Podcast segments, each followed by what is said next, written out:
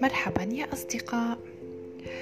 سنقرأ مع بعضنا اليوم قصة نمنم الذي لا يشرب الماء. تأليف أنس أبو رحمة. رسوم براديب كالكارني.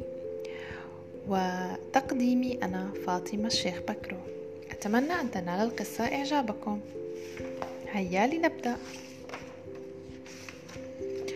جاءت العطلة الصيفية ونمنم متحمس جدا لأنه سيساعد والده في مزرعة الذرة. كل صباح يشتري نمنم من متجر العم فأرون شرابه المفضل الشوكولاتة البيضاء. ثم يمر نمنم بالنهر فيرى أصدقاءه يشربون الماء وينادونه تعال واشرب معنا إنه منعش إنه يروي العطش. يرد نمنم آه, آه لا أرغب في شرب الماء فقد اشتريت شرابي اللذيذ. يصل نمنم إلى المزرعة ويبدأ العمل. بعد وقت قصير شعرت السلحفاة سوار بالعطش فاقترحت على نمنم أن يذهبا لشرب الماء. لماذا أشرب الماء؟ إنه بلا طعم. سأذهب وأشتري شراب الشوكولاتة البيضاء فهو حلو ولذيذ. رد نمنم. عادت سوار من النبع نشيطة. سألت نمنم ما بالك؟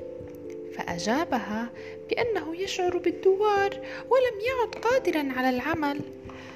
ساعدته سوار على إكمال عمله. كما زرعت صفا طويلا من الورود الملونة.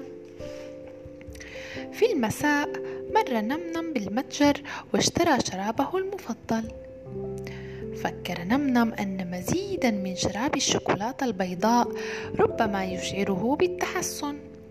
وحين وصل إلى البيت تناول العشاء مع عائلته.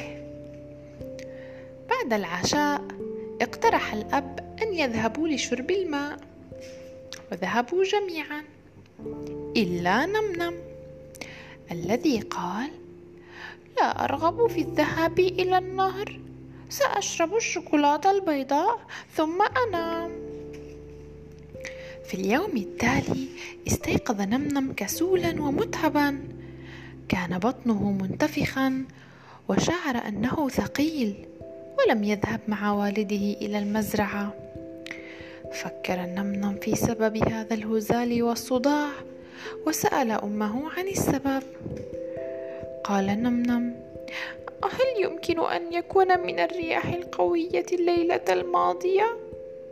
قالت أمه لا هل يمكن أن يكون بسبب العشاء الذي تناولناه البارحة؟ قالت أمه لا آه هل يمكن أن يكون بسبب شراب الشوكولاتة البيضاء؟ سأل نمنم فقالت أمه نعم تفاجأ نمنم ثم قال لماذا؟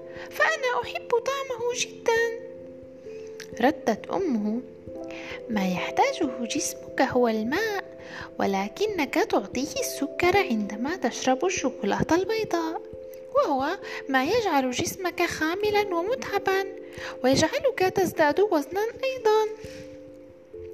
حينها تذكر نمنم نشاط سوار بالأمس وخرج إلى النهر وشرب من الماء العذب. في اليوم التالي بدأ نمنم يشعر بالتحسن وخرج ليلعب مع أصدقائه ثم اقترح عليهم أن يشربوا الماء. قالوا ضاحكين. الآن أنت تقترح أن نشرب الماء. ثم ذهبوا إلى النهر وشربوا وهم يقولون منعش. النهاية. هل أعجبتكم القصة يا أصدقاء؟ شكرا لكم.